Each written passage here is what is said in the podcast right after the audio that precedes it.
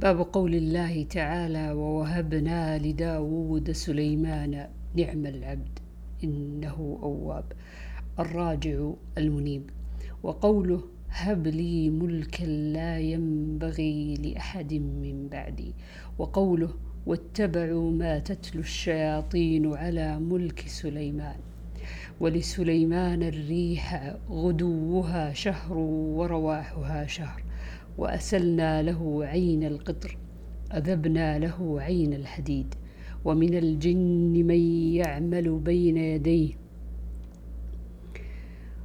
بإذن ربه ومن يزغ منهم عن أمرنا نذقه من عذاب السعير. يعملون له ما يشاء من محاريب. قال مجاهد بنيان ما دون القصور وتماثيل وجفان كالجواب كالحياض للإبل وقال ابن عباس كالجوبة من الأرض. وقدور راسيات اعملوا آل داود شكرا وقليل من عبادي الشكور. فلما قضينا عليه الموت ما دلهم على موته إلا دابة الأرض الأرض تأكل من سأته. عصاه.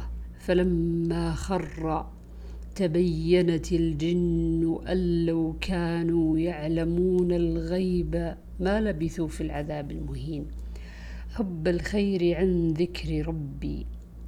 وقوله فطفق مسحا بالسوق والأعناق يمسح أطراف الخيل وعراقيبها الأصفاد الوثاق, الوثاق.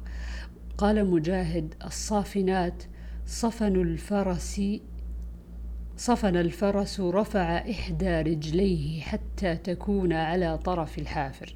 الجياد السراع جسد شيطانا رخاء طيبة. حيث أصاب حيث شاء.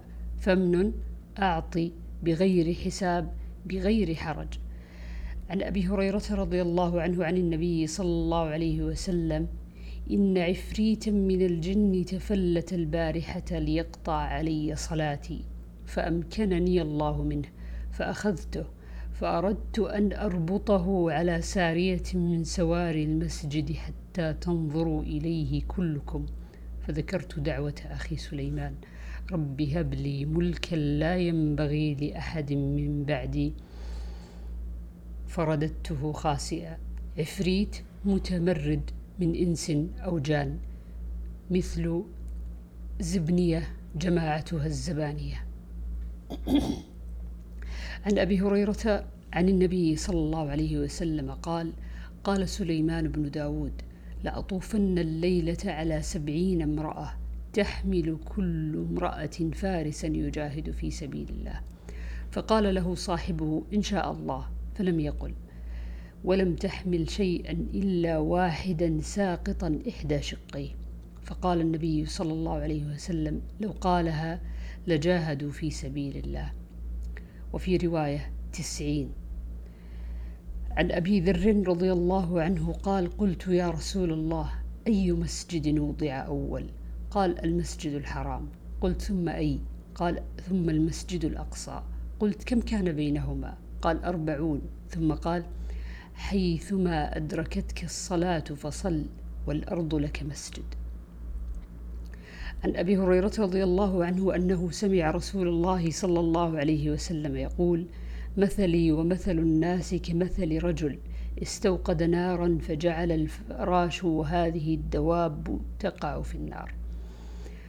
وقال كانت امرأتان معهما ابناهما جاء الذئب فذهب بابن إحداهما فقالت صاحبتها إنما ذهب بابنك وقالت الأخرى إنما ذهب بابنك فتحاكما إلى داود فقضى به للكبرى فخرجتا على سليمان بن داود فأخبرتاه فقال ائتوني بالسكين أشقه بينهما فقالت الصغرى لا تفعل يرحمك الله هو ابنها فقضى به للصغرى.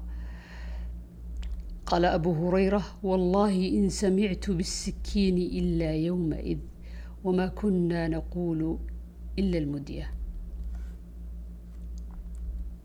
باب قول الله تعالى ولقد آتينا لقمان الحكمة أن اشكر لله ومن يشكر فإنما يشكر لنفسه ومن كفر فإن الله غني حميد.